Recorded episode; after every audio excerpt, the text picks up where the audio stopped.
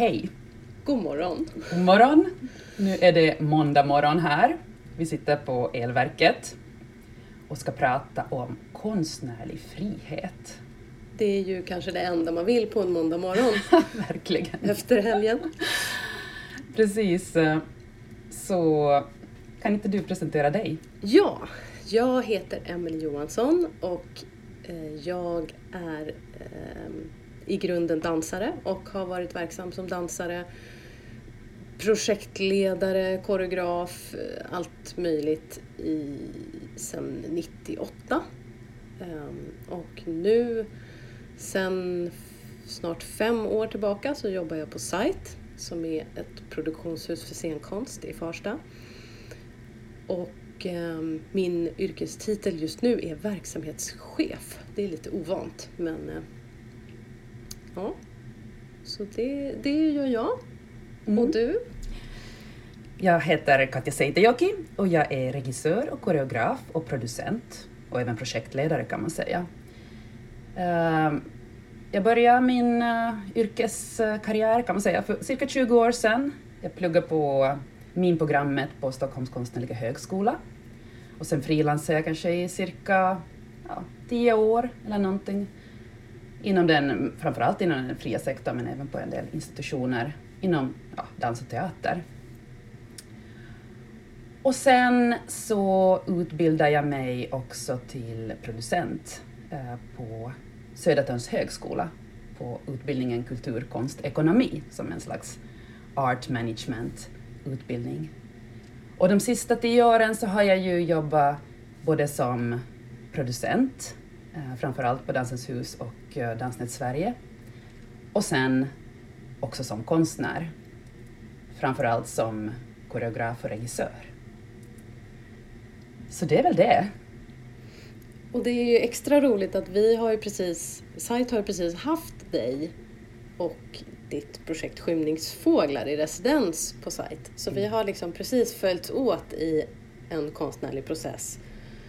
Um, ja. Verkligen, det var fantastiskt. Ända till i fredags. ja. Så, så nu blir det ja. någon slags här live-utvärdering. Hur, hur fri kände du dig? Nej, Nej skämt åsido. Ja, ja. ja, men precis. Okej, då eh, har vi ett antal frågor som vi ska grotta in oss i.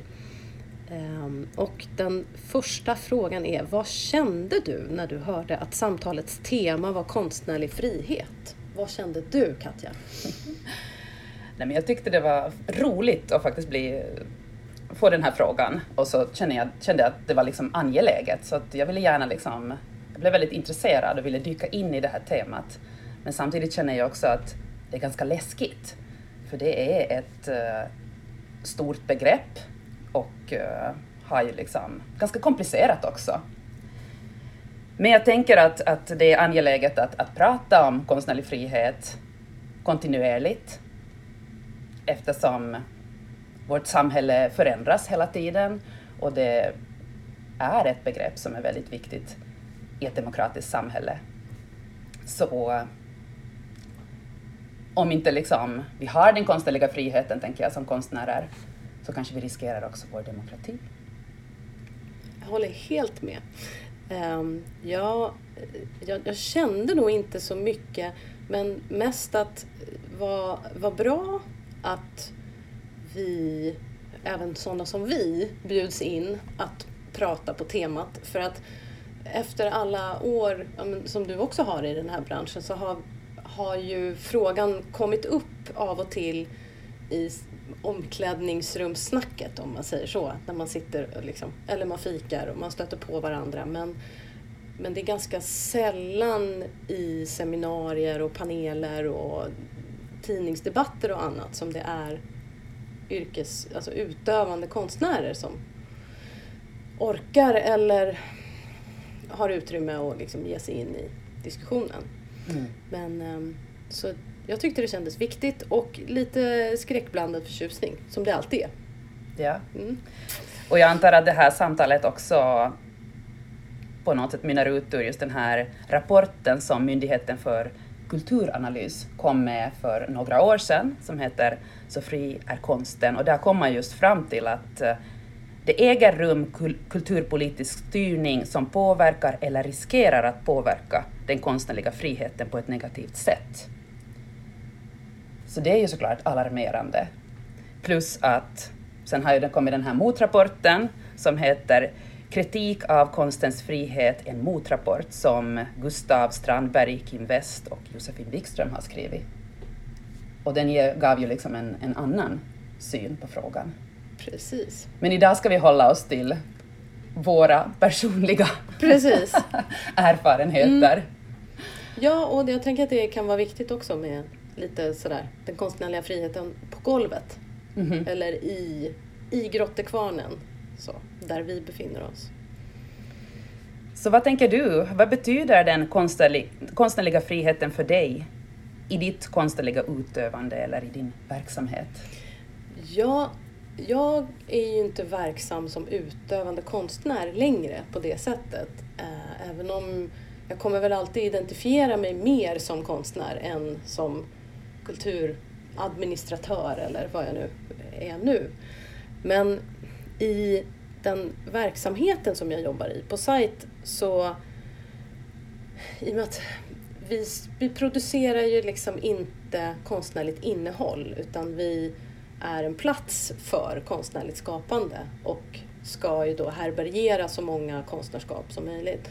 Så där handlar det ju väldigt mycket rent, rent praktiskt om att skapa så goda förutsättningar som möjligt för fria konstnärliga processer. Alltså att vara så flexibla som möjligt i vilka residensformat vi erbjuder eller vilka som får plats, hur vi kan fördela resurser inom ett residens. Alltså att, att vi kan, eh, okej okay, men nu kan vi flytta pengar från en tänkt pott till det här som vi flyttar till det här istället. För det behövde ni mer i er process och så vidare. Ehm, jag tänker ofta på lite som, eh, som man pratar om med liksom könsstereotyp uppfostran för barn. Att skapa liksom frihet för barn att bli de de vill nu menar jag inte att konstnärer är barn, vill ha sagt till protokollet, men att um, det handlar om att på något vis erbjuda hundra möjligheter istället för två. Så många olika möjligheter som helst. Och rent konkreta exempel utöver liksom resursfördelning är väl vi jobbar ju ganska mycket med rådgivning och projektutveckling i de här årslånga residensen som finns på sajt och rådgivningstjänsten som heter Projektrum. Och där försöker vi hela tiden att påminna oss om att inte så mycket leta efter vad, vad vi tror kommer funka eller hur man ska göra för att det ska bli rätt utan faktiskt förstå vad är det just den här konstnären helst vill? Vad är det just det här projektet vill och behöver? Det vill säga inte göra en en bedömning av det konstnärliga innehållet eller projektets möjligheter att lyckas utan att ge det så goda förutsättningar som möjligt. Och där, jag kommer ju aldrig kunna vara helt neutral på något vis eller helt opartisk i, ehm, i förhållande till ett konstnärskap. Jag kommer ju alltid ha mitt, min syn på vad jag tycker är mest intressant eller vad jag tycker är mest viktigt. Eller, men jag kan ju försöka vara så neutral som möjligt. Jag kan ju liksom påminna mig om det och inte lägga ett, som säga, inte lägga ett, ett filter över varje projekt. Att så här, det här är bra och det här är dåligt och så vidare. Så det är väl ett förhållningssätt. Um, Ja, mm. att, att på något vis fråga sig fram till vad är viktigast i det här projektet? Vad är viktigast? Vad är liksom kärnan för den här konstnären? Vad man ska säga. Och när du jobbar ja. som verksamhetsledare på sajt och när jag jobbar som producent på Dansens hus, så vi jobbar ju också väldigt mycket inom den fria sektorn. Ja. Och då är det ju ofta som att konstnärerna initierar ett, kanske ett projekt. De har en projektidé och så är det ju liksom på något sätt, ja, vi försöker liksom skapa så bra produ eh, produktionsförhållanden som möjligt. Det gör Dansens hus också genom liksom residens eller samproduktioner eller, och sen slutligen då såklart genom gästspelen. Liksom att vi försöker nå publik, alltså marknadsföring, mm. kommunikation. Mm. Ja, och sen tänker jag att det handlar också mycket om um, urvalsprocesserna. För där på sajt har vi ju valt till exempel att det finns inte en konstnärlig ledare på det sättet utan det finns ett konstnärligt råd. Så att det är inte, det är inte jag som sitter och väljer vilka som ska få residens. Um, och där är väl en, en viktig del är på något vis att den, den makten som jag ändå har, att, att inte blunda för den. Att jag som verksamhetsledare har ju ganska stor frihet i att forma verksamheten, övertyga styrelsen om vad jag tycker är viktigt och bra och att lyfta bort så mycket som möjligt av urvalsbesluten från mig som person. För att det blir ju jättetråkigt om det är jag som ska sitta och välja. Det kommer ju, det kommer ju bli så tröttsamt och så enformigt, förmodligen. Så att vi har ju valt att skapa en struktur med ett konstnärligt råd där man bara får sitta i två år totalt och sen byts de här personerna ut och det är sex platser i rådet. Så där handlar det ju om att liksom skapa en struktur som säkrar förändring och säkrar ett inflöde av nya, um, nya röster och uh, flera uttryck än bara de enstaka. Så det tänker jag att um, att, eller, det försöker vi i alla fall jobba med. Hur man kan, kan vi bygga en struktur som, som på något vis inte förlägger all, alla beslut och all makt på en plats. Mm. Ja, men det har vi faktiskt också på Dansens hus, en, ett programråd som också består av ja, teaterchefen då. Här har ju dock teaterchefen också något, han har också mandat liksom. Mm. Men eh, sen även ja, producenterna och eh, produktionschefen och sen har vi också externa sakkunniga kan man säga. Mm. Uh, så alla be beslut går genom den här gruppen. Dansens hus är ju för sig på, e- kanske en lite annan situation eftersom vi också presenterar föreställningar, så vi har ju på ett sätt också ett ansvar att nå ut till en publik som kanske inte ni har på riktigt på samma sätt. Och vi har ju liksom ett ansvar också att presentera föreställningar för en, en bred publik. Liksom. Både ska presentera en mångfald av olika eh, dansföreställningar och eh, performanceföreställningar. Men då är det ju också väldigt viktigt att just ha de här externa sakkunniga som, eh, ja, som kan kanske liksom komma med, med liksom, ja, kunskap som inte vi som jobbar här har. Precis. Men i ditt konstnärliga utövande som koreograf, mm. vad betyder den konstnärliga friheten för dig då? Tänker jag. Eftersom ja. vi, vi, nu sitter med lite dubbla, Precis. dubbla mössor på oss. Nej men uh, jag tänker liksom att uh, alltså jag har ju jobbat ganska mycket i den fria sektorn då. Och det som är liksom möjligheten där är ju då, tycker jag, liksom att jag får initiera ett projekt som jag tycker är angeläget och som just nu kanske liksom är angeläget för mig. Liksom. Men uh, publikmötet är ju alltid liksom också väldigt viktigt för mig, så att jag, jag känner att jag liksom ändå tar in omvärlden mycket i mitt konstnärskap. Men det viktiga gällande konstnärlig frihet uh, är ju kanske på något sätt att den konstnärliga processen får leda uh, får leda liksom. Uh, så det är ju för mig i alla fall ofta en dialog med de som jag jobbar med. Och så det ämnet eller eh, den arbetsmetoden som jag vill jobba med liksom, just i det här projektet. Och jag kanske har någon vag idé som jag vill prova.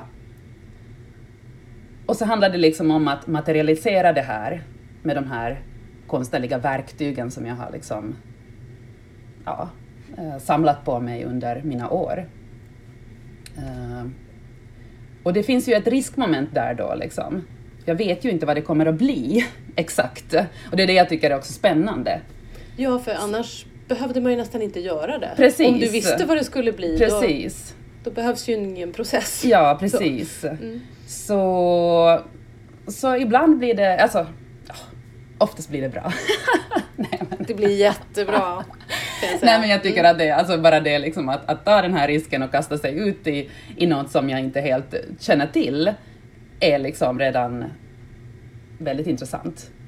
Sen ibland kan det bli dåligt också. Så det, den risken tar man ju liksom. Men det tycker jag liksom är konstens, uh, konstens möjlighet, just att liksom skapa någonting som inte är helt förutsägbart och som jag inte kan räkna ut i huvudet. Och här behövs ju just den här konstnärliga friheten, eller liksom att då de här konstnärliga verktygen får liksom leda processen och att det inte är liksom att jag från början redan har en plan att det ska bli en exakt sån föreställning som är exakt så lång, som ska vara precis så och så och så. Liksom att det inte är en färdig produkt från början. Och det kan jag väl i och för sig liksom känna att den typen av liksom påverkan kan komma. Liksom, att jag ska kunna liksom sälja så och så många föreställningar av den här, eh, den ska vara turnébar, den ska inte vara för dyr, det ska vara max tre dansare för att det ska vara möjligt liksom. Det här påverkar ju den konstnärliga friheten på något sätt och jag skulle ändå vilja säga att det kan påverka verkligen också slutresultatet. Att det kan bli lite förutsägbart. Uh, och det skulle jag väl ändå säga att inte riktigt gynnar konsten. Nej. Men samtidigt så är det ju också så att vi lever i ett samhälle i vissa ekonomiska förhållanden. Och då, just om, om vi tar dansfältet, så är det ju så att man ofta behöver spela på många olika ställen. Så föreställningen måste vara relativt turnébar. Uh, inte för komplicerad scenografi då till exempel. Kanske inte för många dansare för då blir det för dyrt.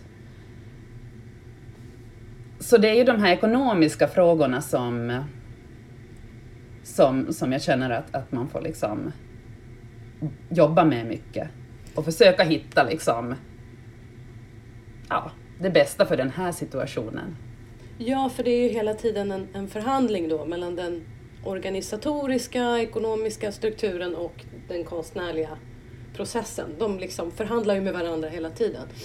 Men jag tänker att just det som du pratar om nu, att den här konstnärliga processen, att den får ta vägen och ta de omvägar och, och köra i diket ibland och så vidare. Det är ju på något vis, för mig är det den konstnärliga friheten in action. Liksom, när den håller på. Ja. Och slösar med tid på alla möjliga saker som det inte var tänkt. Att finns det på något vis i det, det här liksom extremt effektiviserade, produktionsorienterade, resultatorienterade kvartalsekonomisamhället vi lever i så finns det väl ingen större manifestation av frihet än att så att säga slösa med tid eller göra fel. Att, att det blir ju liksom en det blir en slags motståndshandling eller ett, ett annat slags tänkande än det som är ju mer vi får för pengarna desto bättre tänkandet. Mm. Det är liksom ett annat spår. Yeah. Och, och därför tänker jag att det är så extremt viktigt att värna om den där strukturen. Och vad som, vad som blir bra och vad som blir dåligt är ju också oerhört spännande. För jag, jag tycker ibland att den liksom de konstnärliga projekt eller produktioner som, som passerar genom sajt eller som vi stöter på som blir lite så vattendelare. Till exempel i det konstnärliga rådets diskussioner när det kan komma ansökningar eller förslag som, som hälften tycker är liksom absolut inte och hälften tycker det här är fantastiskt. Då vet man att här är vi någonting på spåren. Här är det någonting som liksom som håller på med något. Och då, då kanske det är just det som vi ska värna om. För att det där magplasket kanske fem år senare betraktas som det mest revolutionerande, mest fantastiska föreställning vi någonsin har sett. Så att, ja, ja, men absolut. Det är ju, alltså, konstnärer kanske har liksom en vision, de har någon idé, de kan, ja, någonting de liksom letar efter. Kanske, det är inte alltid säkert att man kan sätta ord på det. Uh, men som du säger, det mm. kanske är liksom trendsättande eller det kanske blir någonting som sen om, om liksom fem år finns överallt i samhället eller ja. Ja, ska vi ta tempen på konstnärlig frihet idag för oss och våra kollegor? ja. Vad ser vi idag? Men jag tycker ändå att jag kan se en del oro. Mm. Alltså en oro då om liksom just för det här som vi pratade om, liksom att, att det finns liksom politiker som mer och mer vill styra vad som är konstnärlig frihet och vad som, vad som är liksom uppbygglig konst eller, eller den konsten som man ska stödja. Liksom. Mm. Så det tycker jag nog är en oro. Men sen, sen så finns det ju kanske bland mina liksom, kollegor en större oro gällande det här ekonomiska och de ekonomiska förutsättningarna. Mm. Det finns en oro liksom att stödsystemen kommer att minska och att liksom, det är någon slags den fria marknaden som kommer att liksom, få ta större plats och att man därmed liksom, redan från början måste då pitcha en idé som, som är väldigt liksom, tydlig, som är relativt billig och som liksom, eh, går att turnera och som är enkel på alla sätt. Liksom. Mm. Och som är tydlig och begriplig och man vet vad man får och så vidare. Precis. Ja. Jo men det där, det där upplever jag också, eller liksom hör. Ehm, jag tycker att, att vi möter, om man tittar på liksom bredden i olika ansökningar och projekt och annat som passerar genom sajt, att, att jag tycker att det är tydligt att det, det finns ju det finns ju liksom lika många eh, olika synsätt på konst och olika drivkrafter som det finns konstnärer nästan. Det finns, det finns ju väldigt många konstnärer som, som faktiskt vill jobba på ett sätt som förbättrar samhället eller som är intresserade av att jobba med kultur i vården eller man vill vara en del i samhällsbygget och man eh, kanske skapar projekt som driver mångfaldsfrågor eller hbtqi-aktivism och så vidare. Att, så att för den gruppen konstnärer är ju den här eh, de här frågorna i blanketterna om på vilket sätt avser du att integrera ett perspektiv i ditt projekt. Den är ju inte problematisk för att man vill jobba så. Och sen finns det andra grupper av konstnärer som, som på något vis som inte vill jobba så och som eh, har andra typer av drivkrafter för sin konst. Och sen finns det konstnärer som, som vill tjäna pengar och bli stora på sociala medier. Och sen finns det de som, alltså det finns väldigt många olika drivkrafter. Och det är väl viktigt att på något vis systemet ger utrymme för att du ska kunna utöva konst och drivas av massa olika drivkrafter. Men alla röster kanske inte, kanske inte hörs lika mycket. Ehm, men det som jag eh, upplever som lite problematiskt är ju att den här diskussionen om konstens frihet och, och inskränkningarna i armlängds avstånd inom olika förvaltningar och från politikerhåll och så också skapar en viss ängslighet hos oss i kulturlivet eller inom konstvärlden för att det blir, alltså att, ja men som en, en verksamhet som sajt till exempel då, som om vi formulerar att nu, nu vill vi jobba Um, nu tycker vi att det vore spännande att jobba så här i ett residens eller nu de kommande åren till exempel vill vi fokusera på att jobba mer hållbart i scenkonstproduktion. Det kommer ju på vissa sätt att inskränka kanske den konstnärliga friheten i just det residenset. Om vi lägger på ett, ett lager av att nu ska vi jobba hållbart, nu ska vi tänka de tankarna, nu ska vi ställa de frågorna i varje aspekt av processen. Då kanske alla konstnärliga val som den konstnären vill göra inte är möjliga utifrån hur man har jobbat tidigare. Och där, då hamnar vi ganska snabbt i en diskussion om, men vänta, då, då, då inskränker ju vi den konstnärliga friheten. Att, att det skapar en slags um, en inte så produktiv ängslighet i hur vi kulturverksamheter vågar formulera våra projekt. För där föreställer jag mig att SITE är ju liksom inte en kulturförvaltning. Vi är inte en, en nämnd, vi är inte en region. Vi är inte en del av så att säga, det, fördelningen av skattemedel eller resurser till kulturlivet. Vi är liksom en del av armen. Och där, den armen kan vara den kan böja sig och röra sig på olika sätt i hur de pengarna sen landar hos den utövande konstnären. Och om våra formuleringar och hur vi bedriver vår verksamhet är ju på något vis en del i den här mångfalden i kulturlivet. Att det finns olika typer av strukturer, det finns olika residensplatser, det finns olika konstnärliga inriktningar på många olika platser. Och ja, det, är väl bra på ett sätt att vi blir medvetna om, okej, okay, här, här gör vi faktiskt en inskränkning i konstnärens frihet i det här projektet. Men samtidigt är det kanske viktigt för oss att driva de här frågorna.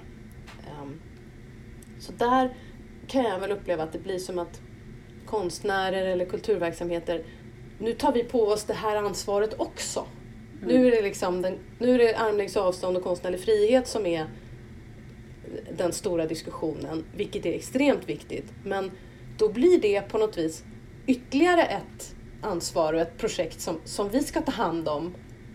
Eh, fastän det kanske egentligen hör hemma, det hör hemma någon annanstans i näringskedjan, mycket tidigare i näringskedjan än vad så att säga, min verksamhet mm. jobbar med. Um, mm. Så där, ja. det, att det är liksom konstnärer och kulturverksamheter är ju så otroligt ansvarstagande och engagerade och kunniga och liksom härbärgerar allt mm. i den här problematiken.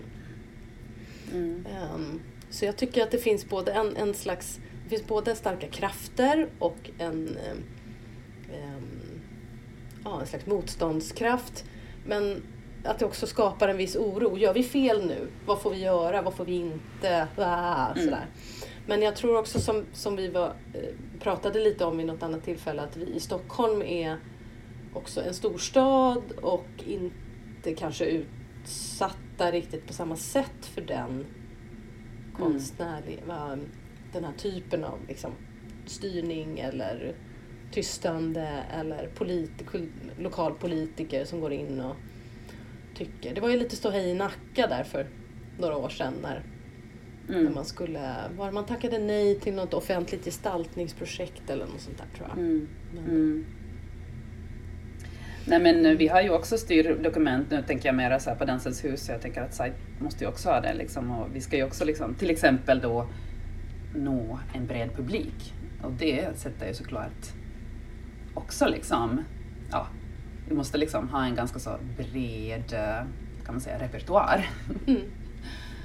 En annan sak som ju liksom, tror jag, i samhället överlag liksom, just nu är en väldigt viktig fråga, det är ju hållbarhet. Liksom. Mm.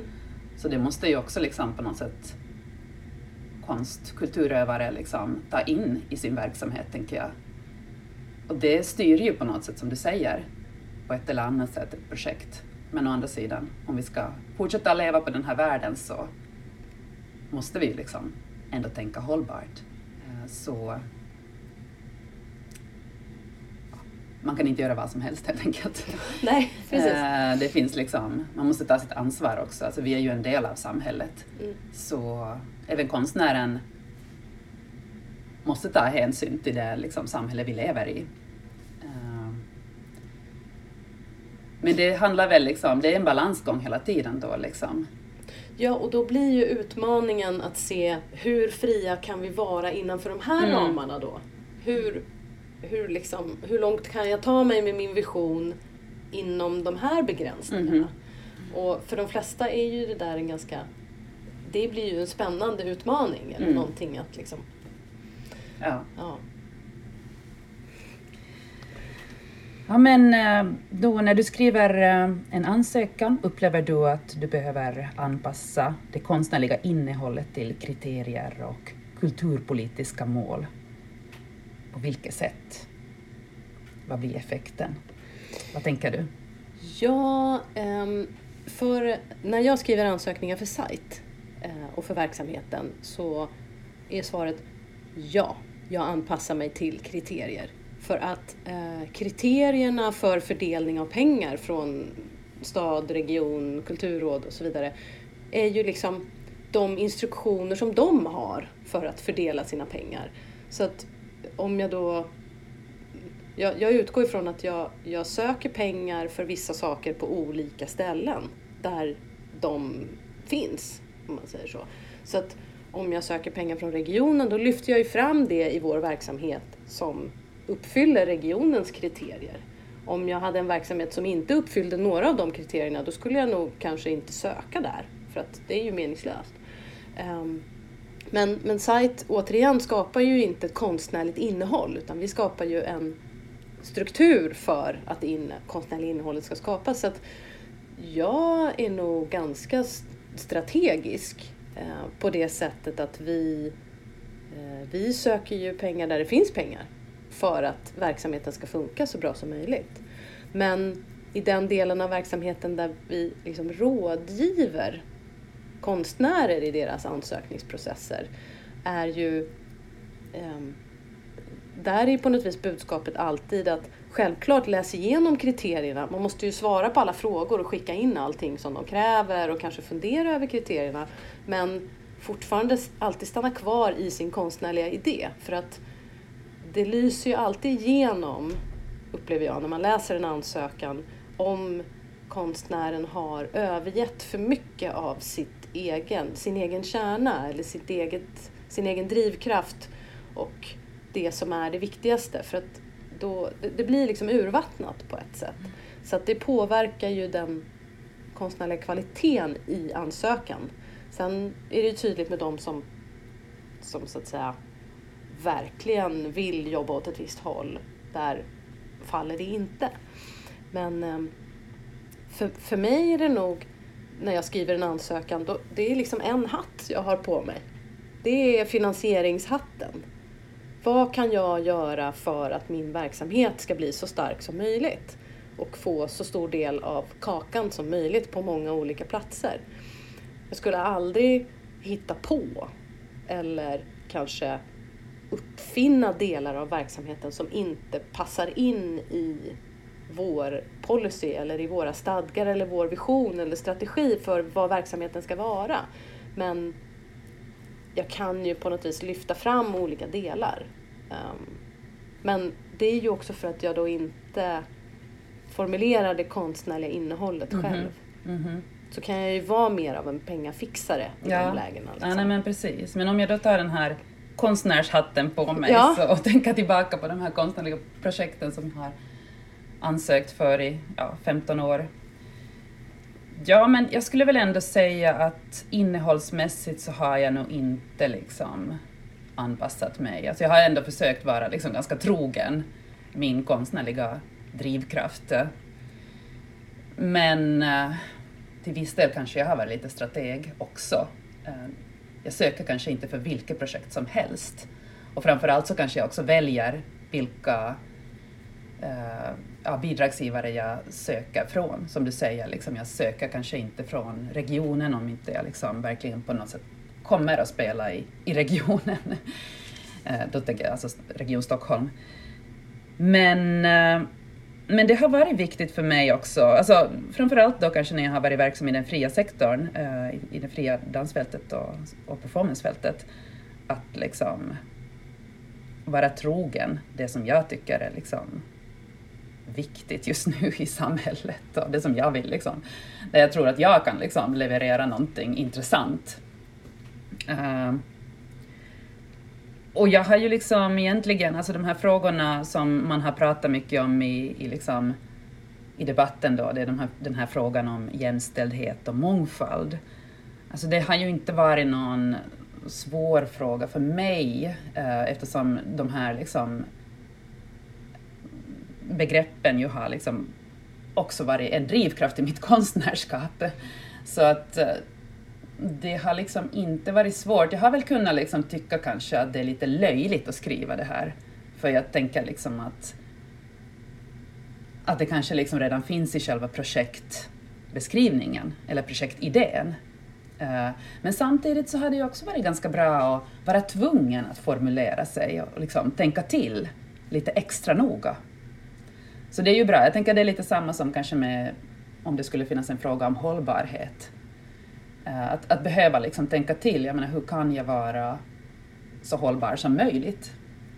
Alltså tänka liksom miljömässigt men också i och för sig socialt. Uh, alltså, och ekonomiskt.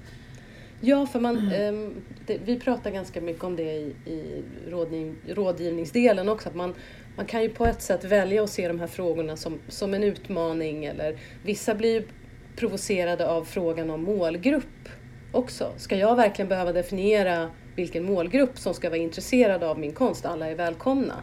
Men man kan ju välja att se den frågan också som en, en fråga till dig. Okej, okay, men om du verkligen fantiserar kring vilka Finns det några grupper eller ålderskategorier eller specifika människor som, som faktiskt skulle, som just din föreställning skulle vara extra intressant för? Eller är det, har det någonting med formatet som du jobbar i som skulle kunna så att säga, öppna möjligheter eller eh, nya ingångar för vissa grupper? Att landar man till slut på fråg i svaret nej, jag har mm. inget svar på den frågan. Okej, okay, fine.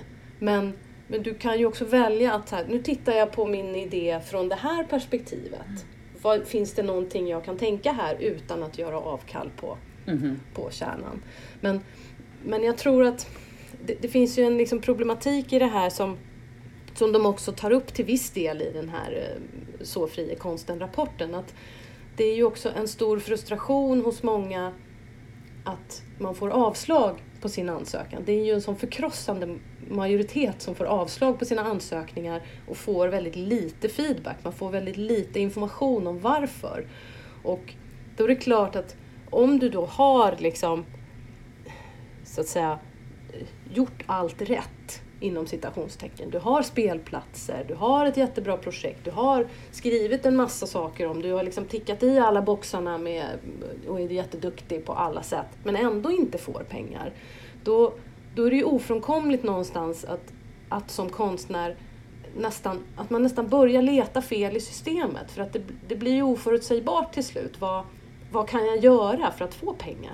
För det funkar ju inte som med andra typer av offentligt stöd att du ja, men om du uppfyller alla de här kriterierna så har du rätt att få bostadsbidrag.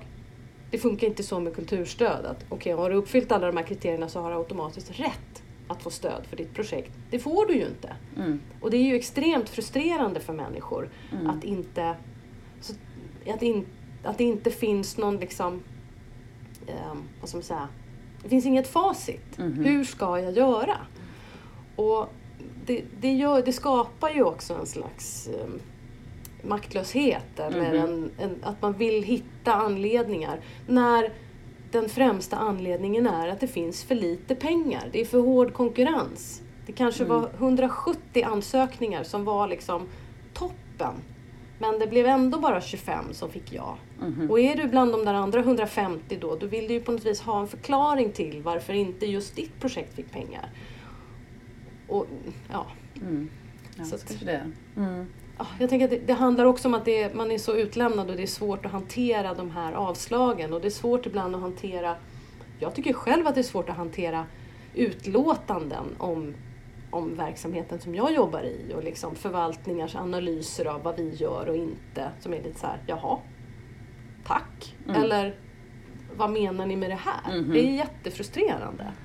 Mm. Och när man upplever den här maktlösheten så blir det ju också en... Det kan ju gärna skapa en känsla av att bli, liksom, bli tystad eller bli utestängd eller inte få del, inte att få vara med. Mm. Och den är, den är inte alls härlig. Nej. Nej. Och nu, nu rasslar vi ju direkt in på den här ja, nästa fråga om hur man kan hantera den här beroendeställningen.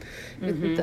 hade du fler tankar där kring anpassningen och Nej, men jag tänker liksom att det, jag, jag, tycker ju i och för sig att det ändå är bra att Kulturrådet har tagit bort den där frågan. Om mm. det nu är så att det påverkar liksom, om de har kommit fram till att det verkligen påverkar de som söker, mm. så är det väl bra att man har tagit bort den. Ja. Men det är ju inte bara liksom så enkelt, utan ja. Men den här eh, beroendeställningen som vi Mhm. pratar om. Vi var inne på det lite tidigare att jag åtminstone upplever inte att eh, våra lokalpolitiker är särskilt närvarande. Jag har in, upplever inte att jag har någon liksom direkt kontakt med våra lokalpolitiker eller att man lägger sig i på det sättet. Men eh, jag tänker att det finns en, en risk. Jag märker ju nu, jag och du också, vi Mm. blir ju som när vi jobbar som producenter eller administratörer eller annat så blir vi ju också en del av en slags större kulturadministration, en, en yrkeskår. Och där, um, där tänker jag att det finns också fallgropar i att, att börja se liksom, vems intressen är det jag värnar om. Där om hur, liksom när verksamheten jag jobbar med bygger ju på att ge möj, konstnärer möjlighet att skapa. Om man börjar tappa bort det och börjar värna om organisationen i sig. Lite som när till exempel när ett sjukhus börjar liksom bekymra sig mer över hur deras varumärke uppfattas utåt än att faktiskt ge bra vård till sina patienter. Att det finns, det finns en slags risk inom den här förvaltningsadministrationen att det är lite jobbigt. Ehm, det är, det är liksom jobbigare för oss att se på oss själva och vad, vad vi gör. Eller det är jobbigare för en kulturförvaltning att titta på sin egen roll och vad de egna anställda och handläggare och chefer och liksom staben i sig, vilken makt de utövar Mm. jämfört med vad kulturpolitikerna har, eh, vad, vad de bestämmer. Så att Mm. säga. Att man, det, det, det finns en makt i att vara anställd och att inte riskera sitt eget levebröd på samma sätt som konstnärer gör. Och där tänker jag att vi, för de här eh, anställningar är ju inte tidsbegränsade på samma sätt som, som förordnanden, konstnärliga ledarskap eller politiker som eh, det kommer val emellan. Utan du kan ju vara anställd inom en kulturförvaltning på olika poster och som chef och så vidare i liksom 20, 30, 40 år. Och det, då kan ju liksom individer, personer kan ju prägla en hel verksamhet under väldigt lång tid och bli en slags grindvakter eller etablera en, en slags arbetskultur eller en, ett kulturpolitiskt synsätt som, som kan prägla en förvaltning under väldigt lång tid utan att det, det spelar liksom ingen roll vilka politiker som sitter och bestämmer för det är ändå samma vad som säga, paradigm som råder. Det kan ju det, det är väl det man, man då från, vissa politiskt, från visst politiskt håll kritiserar den här kulturadministrationen för att vara vänstervriden. Jag föreställer mig och är helt övertygad om att det finns kulturförvaltningar som, som är mycket mer vad ska man säga, nyliberalt, moderat orienterade där vi premierar kulturverksamheter som är duktiga på att sälja mycket biljetter eller som är duktiga på att driva restauranger och dra in mycket privat kapital. Och där ska det premieras. Och och det är ju liksom ett kulturpolitiskt synsätt som, kan, som då kan bli rådande. Och i en annan kommun kan det vara någonting annat. Det är samma kulturchef i 35 år. Den personen har ju en konstsyn och en kulturpolitisk idé som, som inte går att rå på. Mhm. Och, Mm. och där är vi ju på något vis, vi är ju i en beroendeställning gentemot förvaltningarnas administration och förvaltningarnas stab på ett sätt som, som jag kan tycka är problematisk. För att det är liksom till synes personer som inte ska ha så mycket makt för att man är tjänstepersoner och man är neutrala. Men de facto har man väldigt mycket makt över analysen som görs, utlåtanden som görs, beslut som tas. Det är ju få eh, kommunala och regionala förvaltningar som har referensgrupper som faktiskt beslutar om pengarna. De är ju rådgivande. På Konstnärsnämnden och Kulturrådet så är ju de expertgrupperna beslutande på ett annat sätt. Mhm. Um, den beroendeställningen tycker jag är svår. För att Mhm. man tillhör på något vis samma yrkeskår men det finns en makt där som är väldigt svår att sätta fingret på. Den är svår Mm. att protestera mot. Hur gör, hur gör till exempel en, en, en frigruppsteater om man anser sig orättvist behandlade av, av kulturförvaltningen? Mm. Vart, vart, vänder man sig? Ska man, man kan inte vända sig till handläggaren. Ska man vända sig till handläggarens chef som har i sin tur rekryterat handläggaren och tagit beslutet också? Alltså hur, var... Ja, det är en, en svår situation. Jag tänker liksom, om jag vänder det lite till mig själv då, liksom, kanske inte, jag sitter inte på någon myndighet, eh, men, men jag är ju liksom producent på Dansens hus och, och också liksom eh, till viss del påverkar vem som liksom får eh, residens eller liksom samproduktioner eller eh, presenteras här helt enkelt, som får vara en del av verksamheten. Uh, och jag tänker liksom själv att det också handlar liksom om att hela tiden ha liksom på något sätt kontakt med det konstnärliga. Därför är jag också väldigt, väldigt glad att jag hade den här residensen nu här i, på sajt. För jag känner liksom att det har också gett mig en slags ödmjukhet på något sätt i det att det är jäkligt svårt att göra bra konst. Det är jättesvårt, det är det svåraste det är liksom, som finns. Det är liksom, vi har jobbat så jäkla hårt här nu i fem veckor liksom. Uh, så hårt liksom. Alla har liksom pushat sina gränser till det liksom maximala skulle jag ändå vilja säga, även om vi ändå liksom har försökt hålla också liksom bra arbetsförhållanden och gå hem en viss tid på liksom, kvällen. Uh, men uh, så jag tänker liksom att, att de här personerna skulle behöva besöka mera då liksom konstnärer som arbetar på golvet. Då kanske man kan få en förståelse, för jag kan, jag kan tänka mig, alltså det är lätt att man hamnar in i sina egna strukturer, uh, tycker liksom att det är besvärligt med konstnärer då som kanske inte gör exakt så som man själv har tänkt, som inte redovisar exakt rätt, som kanske liksom kommer för sent med sin redovisning. Alltså det finns uh, ja, man kan bli, tror jag, lätt så lite cynisk och liksom arg. När det inte liksom bara går som, som man tänker. Liksom. Mm. Men då är det väldigt bra att liksom gå på en föreställning eller gå på repetitioner eller en öppen visning och liksom verkligen så här, ja ah, just det. Gå ja. till liksom en repsal och se när konstnärer verkligen jobbar. Och, och, det tror jag verkligen att, att man gör. Jag tänker att det, det är liksom, man jobbar under tidspress och en enormt hög belastning i de här förvaltningsstrukturerna precis som, precis som vi gör i det fria fältet. Då sitter man då plötsligt med 340 ansökningar på sitt bord och ska bereda. Och att det, det finns kanske lite för lite tid att reflektera över, vänta, gör, det här som, gör, är vi verkligen rättvisa nu? Vad har vi för kulturpolitiskt paradigm eller norm eller konstsyn som på något vis präglar vår förvaltning.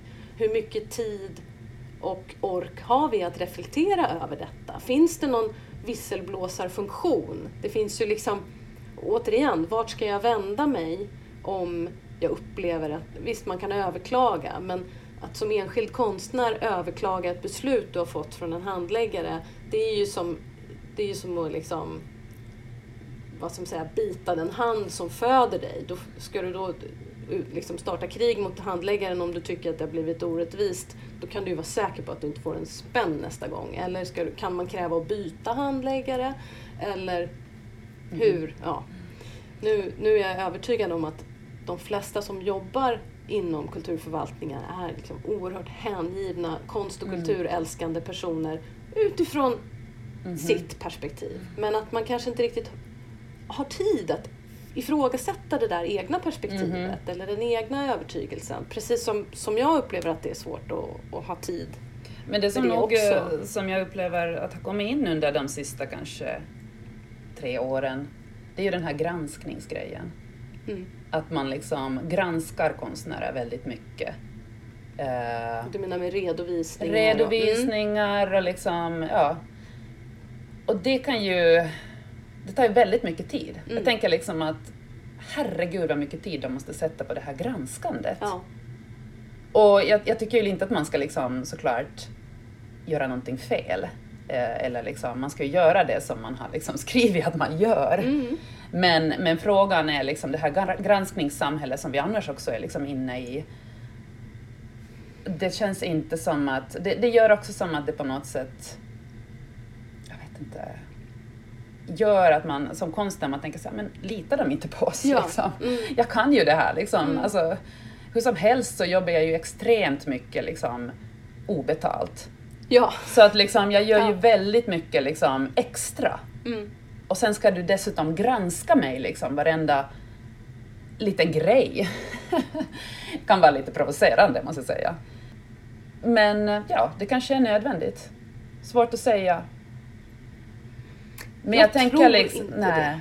nej, jag, tror faktiskt att, inte heller Jag tror man har liksom gått vilse i mätbarhetsträsket och utvärderings new public management strukturer som, som inte gagnar vare sig förvaltningarna eller konstnärerna. Mhm. Det är min eh, fasta övertygelse. Och vad är vår roll? Vad är konstnärens roll i att försäkra att den här principen om armlängds avstånd fungerar och efterlevs? Vill du säga någonting om den? Ja, det kanske inte är konstnärens roll uh, i sig, men, men som kollektiv kan det ju vara det. Jag tänker liksom att det är ju fackförbundens roll, scen och film gör den här podden jättebra, vi samtalar om det här.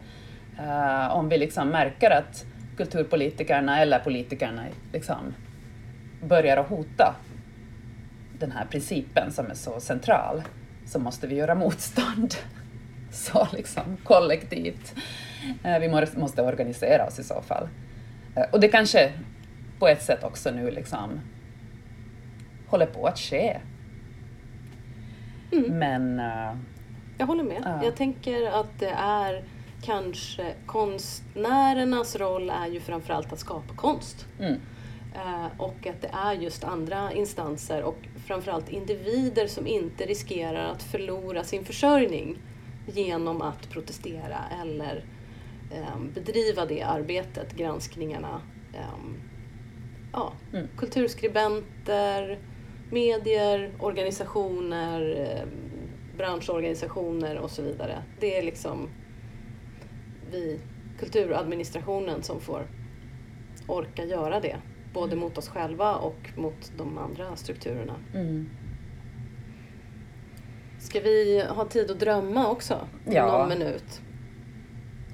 Hur ska konst vara fri? Nej, men jag tycker vi egentligen redan har eh, delvis berört det. Jag tänker liksom att eh, som producenter då, att vi ska liksom skapa så bra förutsättningar som möjligt för då konstnärer att liksom vara verksamma så fritt som möjligt. alltså vi måste ha de ekonomiska resurserna, vi måste ha ja, låta liksom, vi måste respektera liksom konstnärerna och deras röster och deras konstnärskap. Och inom liksom de gränserna som vi nu då har liksom ändå, eh, att de får verka så fritt som möjligt. Mm. Ja, och jag är ju lite med en av skribenterna i den här trevliga lilla blåa boken som vi har. Att, att friheten är på något vis någonting man utövar. Den Mm. är en handling. Man, man är inte fri per definition utan Nej. det är någonting som Frihet är någonting man, man tar och utövar. Och Precis. om nu konstnärligt skapande i process är en slags ett sätt att tänka eller ett sätt att förhålla sig till världen och samhället så, så är konstnärligt skapande fritt per definition. Det måste vara det, annars är det liksom inte konst. Mm. Ehm, och där, någon slags liten frihet kommer vi hitta inom allt. Ja. Till och med inom diktatur kommer vi att hitta Ja. det. Men ehm, ja. Ja. vi får hjälpas åt. ja, absolut. Tack så mycket Emelie. Tack Katja! Ja. Fint att samtala med dig. Detsamma.